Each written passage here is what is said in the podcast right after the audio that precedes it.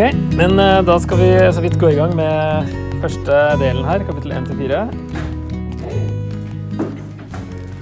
Som handler i hovedsak om eh, splittelser. Litt sånn eh, innledende hovedting om visdom. Er det noen som vet hva det greske ordet for visdom er? Det- Sofia. Det er Sofia, vet du. Og det nevnes 26 ganger i kapittel 1 til 3. Så her er det mye snakk om visdom. Og noen inskripsjoner viser at man trodde visdom kom ovenfra. Som eh, da lett kan tolkes at man tenkte det var veldig åndelig å være vis. Og at kanskje de har tenkt noe lignende her. Derfor har jeg blitt så opptatt av det. Og altså ser vi jo at det er noen grupperinger her i menigheten over Paulus, Apollos og Peter spesielt. Og så er det noen som sier 'jeg følger Kristus'. Er det liksom at de har skjønt det mer, eller er det en fjerde gruppe? Det er litt vanskelig å vite, da. Men i hvert fall så er de liksom eh, lagd seg noen sånne heiagjenger rundt eh, disse tre spesielt. Og det kan vi lure på, Jeg vet ikke så mye om bakgrunnen for det, da. Eh, utover det at kanskje Apollos, eh, som hadde ordet i sin makt, hadde fått eh, folk til å bli opptatt av visdom.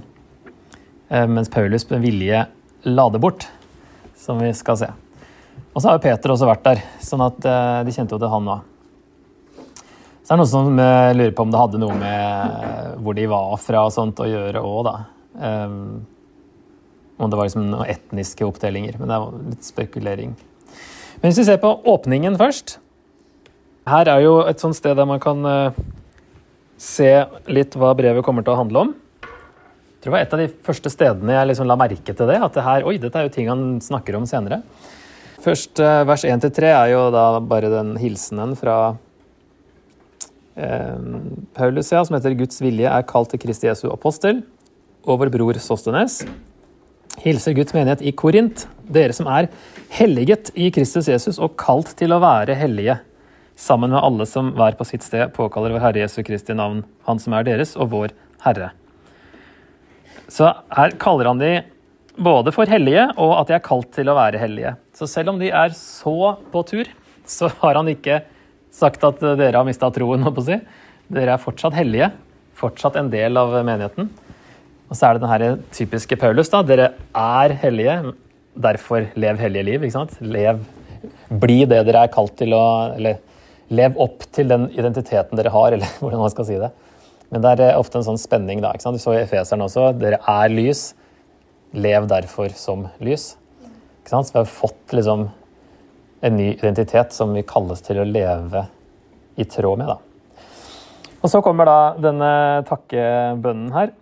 Jeg takker alltid min Gud for dere, for den nåde han har gitt dere i Kristus Jesus. Kanskje er nåde det viktigste for dem akkurat nå. Kanskje han åpner Takk for at det er så mye nåde, fordi her er det så mye tull. Men den er eh, ja, masse nåde som er gitt. I ham er dere blitt rike på alt, på all lære og all kunnskap. Det er mine notater her i rødt, da, liksom. De trodde de var rike i seg selv, men det er i Gud de er rike. Det er litt sånn typisk Paulus at han eh, later som han smisker med dem, men så gir han egentlig all æren til Gud. sant? Så dere er blitt rike på alt, tenker de. Ja, det er vi, jammen. Vi er kjempeflinke. Masse visdom har vi, og masse tungetale. Åh, så gode vi er. men så er det da i ham. Lære og kunnskap, greske ordene der, er logos og gnosis. Eh, Det kommer han tilbake til. Det er spesielt her, da, kapittel 1-4, men også kapittel 8 er det snakk om mye kunnskap. Vitnesbyrdet om Kristus har da også fått sikkert feste hos dere. Iallfall skjønt det, da. Det er grunnleggende. Derfor mangler dere ikke noen nådegave. Det er altså sånn her, Flott at dere har så mye nådegaver. Dere mangler ikke nådegave. Selv om det da er noe av problemet er de, hvordan de behandler dette her, og det kommer i kapittel 12-14. Mens dere venter på at vår Herre Jesus Kristus, Herre Jesus Kristus skal åpenbare seg, det kommer han til i kapittel 15, da, Jesu gjenkomst. Han skal også grunnfeste dere helt til enden kommer, så dere kan stå uten å bli anklaget på vår Herre Jesu Kristi dag. Så her, liksom, her er det et håp om at dette skal eh, gå bra. Det er Gud som skal grunnfeste dem så de kan stå uten å bli anklaget. Gud er trofast, han som har kalt dere til fellesskap med sin sønn Jesus Kristus, vår Herre.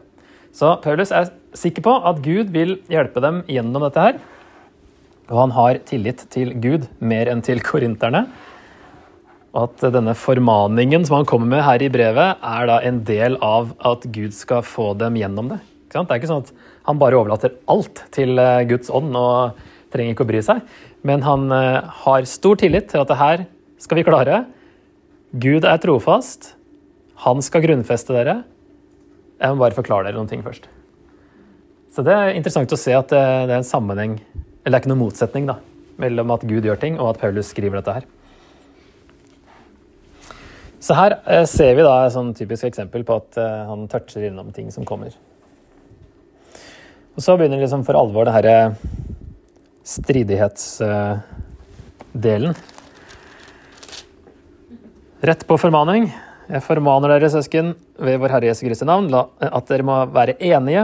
La det ikke være splittelse blant dere, men stå sammen i syn og tanke. Sier han det samme egentlig tre ganger i ett vers. Vær enige, ikke splittelse, stå sammen. Og så er det dette med at noen sier eh, 'jeg holder meg til Paulus', andre sier 'til Apollos', til Kefas eller til Kristus. Og så typisk Paulus å dra det helt ut, da. Er da Kristus blitt delt? Var det kanskje Paulus som ble korsfestet for dere? Eller ble dere døpt til Paulus' navn? Jeg takker Gud for at jeg ikke har døpt noen av dere, bortsett fra Krispus og Kaius, slik at ingen kan si at dere ble døpt til mitt navn. Riktignok har jeg også døpt Stefanas, hans familie, men ellers vet jeg ikke om at jeg har døpt noen. For som eksempel på at han, han skriver, han er i farta. sant? Det er ikke diktat fra Gud, tydeligvis. Han kommer på en ting etterpå. Og han er glad for at han ikke har døpt flere, fordi det var ikke hans oppgave, sier han. For Kristus har ikke sendt meg ut for å døpe, men for å forkynne evangeliet. Og det er ikke med talekunst og visdom, så Kristi kors ikke skal miste sin kraft. Så nå har jeg satt opp fra vers 17 og ut kapittelet. Her er eh, veldig viktige ting som han starter med her. Så begynner på 18 her, da. For ordet om korset er ja, Ser du hva du ser, nå har uh, utheva visdom og dårskap. Derfor tok jeg meg vers 17 også her, da. For ordet om korset er dårskap for dem som går fortapt, men for oss som blir frelst, er det Guds kraft. Det står jo skrevet 'Jeg vil ødelegge de vises visdom, og de klokes klokskap vil jeg gjøre til intet'. Hvor er da de vise? Hvor er de skriftlærde? Hvor er denne verdens kloke hoder? Har ikke Gud vist at verdens visdom er dårskap? For da verden ikke brukte visdommen til å kjenne Gud i hans visdom, besluttet Gud å frelse dem som tror, ved den dårskapen som vi forkynner. For jøder spør etter tegn, og grekere søker visdom, men vi forkynner en korsfestet Kristus. Han er en snublestein for jøder og dårskap for hedninger. Men for dem som er kalt, både jøder og grekere, er Kristus Guds kraft og Guds visdom. For Guds dårskap er visere enn menneskene, og Guds svakhet er sterkere enn menneskene. Det verset har jo vært eh, Kan man begynne å lure om det fins dårskap i Gud hvis man ikke leser sammenhengen. Sant? Her får jo dårskap en definisjon. Selvfølgelig finnes det ikke noe dårskap i Gud, men eh, drar du ut ett vers, så lurer du på hva det betyr dette her. Se på dere selv, søsken, dere som ble kalt, ikke mange vise etter menneskelige mål, ikke mange med makt eller av fornem slekt. Men det som i verdens øyne er dårskap, det utvalgte Gud for å gjøre de vise til skamme. Og det som i verdens øyne er svakt, det utvalgte Gud for å gjøre det sterke til skamme. Ja, det som i verdens øyne står lavt, det som blir foraktet, det som ikke er noe, det utvalgte Gud for å gjøre til intet det som er noe. For at ingen mennesker skal ha noe å være stolt av overfor Gud. Dere er Hans verk i Kristus Jesus, Han som er blitt vår visdom fra Gud, vår rettferdighet, helliggjørelse og forløsning. For at den som er stolt, skal være stolt av Herren, slik det står skrevet. Så her, Vi får liksom tak i poenget her at vi skal ikke rose oss av noen ting, bare være stolt av Eh, Herren, eller eh, Jesus, stolt av ingenting å være stolt av overfor Gud. At Gud valgte da det svake og dårlige og teite, det latterlige, eh, å frelse ved det. For at ingen skal kunne rose seg av det. Det her er så interessant. Så en snublestein for jøder og dårskap for hedninger. Hva betyr det han sier her? Um, altså, Evangeliet er et eh, anstøt, en fornærmelse, en snublestein da, for jøder, siden en korsfestet Messias, en korsfestet konge, var en selvmotsigelse. det ga jo ingen mening. Derfor skjønte de heller ikke at Jesus var Messias. Fordi de hadde laget seg sine egne eh, forventninger og tanker. Og så er det et interessant sitat av Cicero. Jeg skulle ha hørt om han, men han, eh, en gammel romer som eh, sa at korset må aldri komme i nærheten av en romersk borgers kropp. Det må aldri dukke opp i deres tanker, øyne eller ører. Man skulle ikke engang si ordet kors, for det var så eh, støtende. Og selv ikke når man, noen ble dømt til døden ved korsfestelse, så unngikk man å si det ordet. da. Crux på latin. Så ingen romerske borgere ble korsfesta. Eh, for det var langt under en romersk borgers verdighet. Da. Det symboliserte skam, svakhet og vanære for grekere og romere som var opptatt av visdom, dyder, styrke og det estetiske. Det var liksom det helt motsatte. Um, og så har vi den, denne her eh, karikaturen.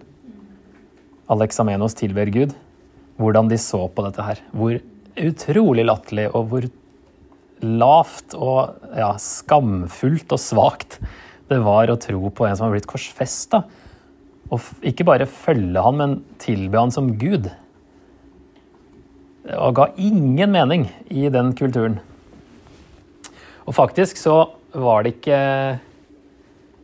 eh, Altså Kirkefedrene ville heller ikke at eh, korset skulle avbildes i noe, eh, noe kunst, kirkekunst og sånt, før utpå ut på 300-tallet.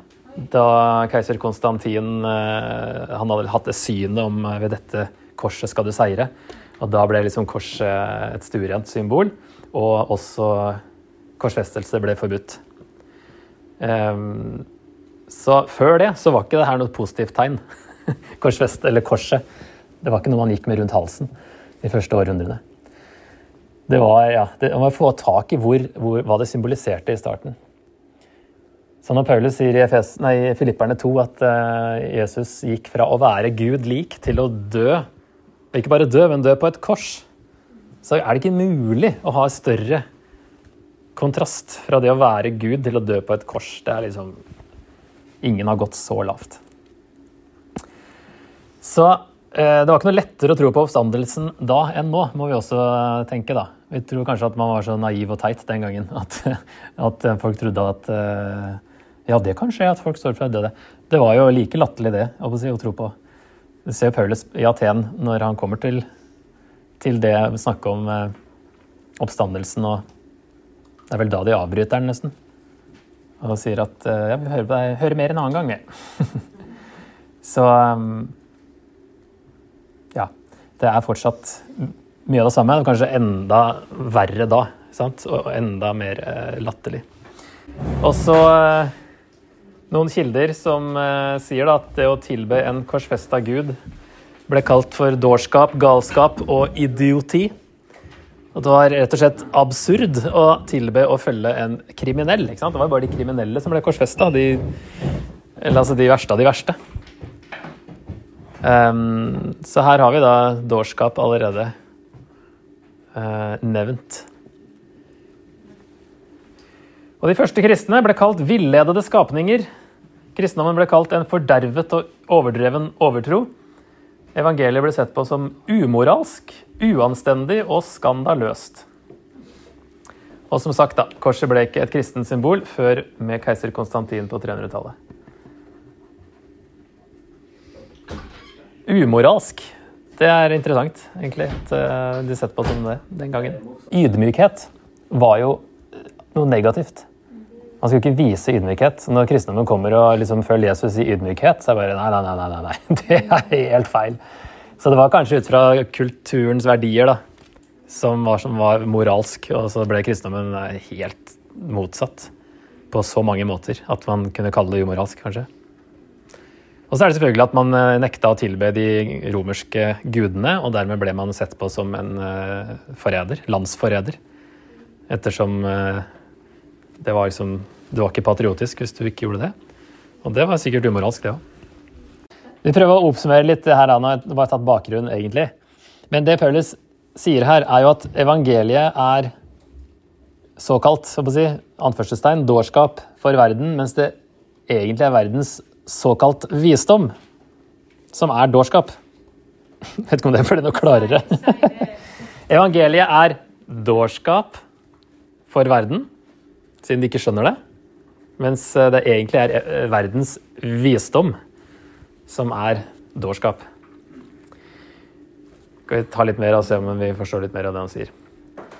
Men en måte å se det på er jo at kors, altså Guds visdom, at korset er Guds visdom fordi han med det løste både vårt problem, som var synd, og på en måte hans eget problem, som var, var da, hvordan kunne han være rettferdig og straffe synden og samtidig være nådig og tilgi. Og så er det en genial måte å få det til på. At Gud er både rettferdig og kjærlig i det som skjer på korset, for han tar straffen rett og slett sjøl. Eh, så sånn sett er det visdom som ingen kunne forutse. Og så sier han at verdens visdom hjelper ikke med å kjenne Gud. Eh, jeg er ikke ferdig med det temaet nå. Han går videre på det i kapittel to, så vi skal snakke litt mer om det. Men men uh, prøv å oppsummere litt det her med dårskap. Og, altså, når han sier dårskap, så mener han jo evangeliet. Sant? Men han bruker jo det som verden kaller evangeliet. Eller de oppfatter det som dårskap. Mens det er den dårskapen Gud faktisk frelser ved. Mens visdommen er egentlig ikke noe visdom, for du kommer ikke til Gud med den visdommen. Så skjønner han ikke hvorfor korinterne har blitt så opptatt av visdom, når han sier at ikke mange vise etter menneskelig mål, og ikke mange med makt eller fornem slekt. Det var jo liksom lave, lav status og slaver, kanskje. Hvorfor har du blitt så opptatt av visdom? Dere var jo ikke vise i utgangspunktet. Og likevel så det som, verdens, det som, i verdens øyne er dårskap, det utvalgte Gud for å gjøre de vise til skamme. Og han utvalgte det svake, det som står lavt, det som ikke er noe. Han utvalgte liksom frelse hvem som helst, og i hvert fall ikke de som eh, Altså Det er de fattige igjen, ikke sant, som vi ser i evangeliene. De fattige som ikke tror de er noe, som ikke tror de fortjener noe. Som skjønner at de trenger Gud og kan få det. Så det er jo noe av det samme her, egentlig. Så det virker som han bruker da ordet dårskap fordi det er det det blir sett på. Men man kan bytte det ut med evangeliet da, når man leser her. Så min Prøv å oppsummere da, det som eh, han sier, så har vi jo han sier jo nesten rett ut det her, da, men eh, det er jo litt mine ord her. Gud har med hensikt valgt noe latterlig og svakt, nettopp så ingen skal rose seg av noe. Og så kommer vi som sagt litt tilbake til det i starten av kapittel to. Eh, Hvorfor Paulus gjorde det han gjorde når han kom dit, og la bort det her visdom og talekunst og retorikk og sånne ting. Men her er det altså Det er helt eh, Du må på en måte Ja, det skal ikke være noe intellektuell prestisje da, i evangeliet som lokker deg. Det er ikke det som skal være det attraktive. Det er eh, Du må forstå hva som skjedde på korset, og du må på en måte ydmyke deg nok til å akseptere det. At det var sånn Gud valgte å gjøre det. Og for en eh, greker og romer så var jo det vanskeligere enn for oss. At Gud sank så dypt, på en måte. Så det er interessant med litt historisk bakgrunn på kors her. Mm. Men her et sitat som jeg syns var eh, Får fram det her med eh, ja, hvordan samfunnet var så forskjellig, og hvordan korset kom med noe annet. Så jeg får det ganske mye generelt sånn bakgrunn da, for eh, moral og etikk, og jeg på si, mangel på det i, i Romerriket. Barnedrap var vanlig i den antikke verden. Generaler ville med glede skryte av de hundretusenvis av menneskene de hadde drept. At migranter fra Asia eller Afrika druknet i Middelhavet, ville ikke ha plaget dem det minste. Å gi til de fattige når det skjedde, ble gjort for å få et rykte. Det ville være nesten utenkelig at det ble gjort i hemmelighet, enn si lovpålagt. Slaveriet var universelt og uimotsagt. Da den romerske forfatteren Plinius ville finne ut informasjon om den tidlige kristne bevegelsen, fortalte han veldig saklig til keiser Trajan at han hadde torturert to slavekvinner for å finne ut om det, men de hadde egentlig ikke hjulpet så mye. Og det er ingen antydning om at verken Plinius eller keiseren anså dette som umoralsk eller ugudelig. Vi ser folk late som de blir drept på TV. De så folk faktisk bli drept på arenaen og tenkte ingenting på det. De fleste av oss er imot dødsstraff, og hvis ikke vi er det, vil vi insistere på at det skal gjøres så humant, smertefritt og privat som mulig. De, de korsfestet folk offentlig og lot offeret henge der i flere dager. Vi synes det er en selvfølge at alle mennesker er skapt like. De mente det var innlysende at ikke alle mennesker var det. Vi kunne fortsette. Likevel, 2000 år senere, er det veldig åpenbart at verdens svake ting har gjort de sterke til skamme, og at guddommelig dårskap er klokere enn menneskelig visdom. Korset, et sterkt symbol som skulle bety Roma victor, at de korsfesta folk var som at romerne seira, har kommet til å bety, bety Kristus victor. Altså Kristus er seier, seierherren. De som den antikke verden betraktet som helter, har blitt skurker, og den korsfestede kriminelle har blitt den mest beundrede og tilbedte skikkelsen i historien. Som klassisisten til R. Glover sa det en gang, vi kaller nå hundene våre Nero og sønnene våre Paul eller Paul, da. Så, ja. Så her eh, Jeg syns det var interessant, eller nyttig uansett, å bare få litt sånn bakteppe. Hvordan man tenkte om ting, og hvor hvor kontroversielt det var, det kristendommen kom med, og hvordan det samfunnet vårt har blitt noe helt annet enn det det var. Og hvor kontrast det var, og likevel ble det sett på som dårskap fordi man tenkte helt annerledes. Om menneskesyn og moral da og sånne ting. sant? Og det var jo mye mer brutal virkelighet den gangen. Så kristendommen har jo i løpet av historien forandra utrolig mye som vi tar for gitt i dag.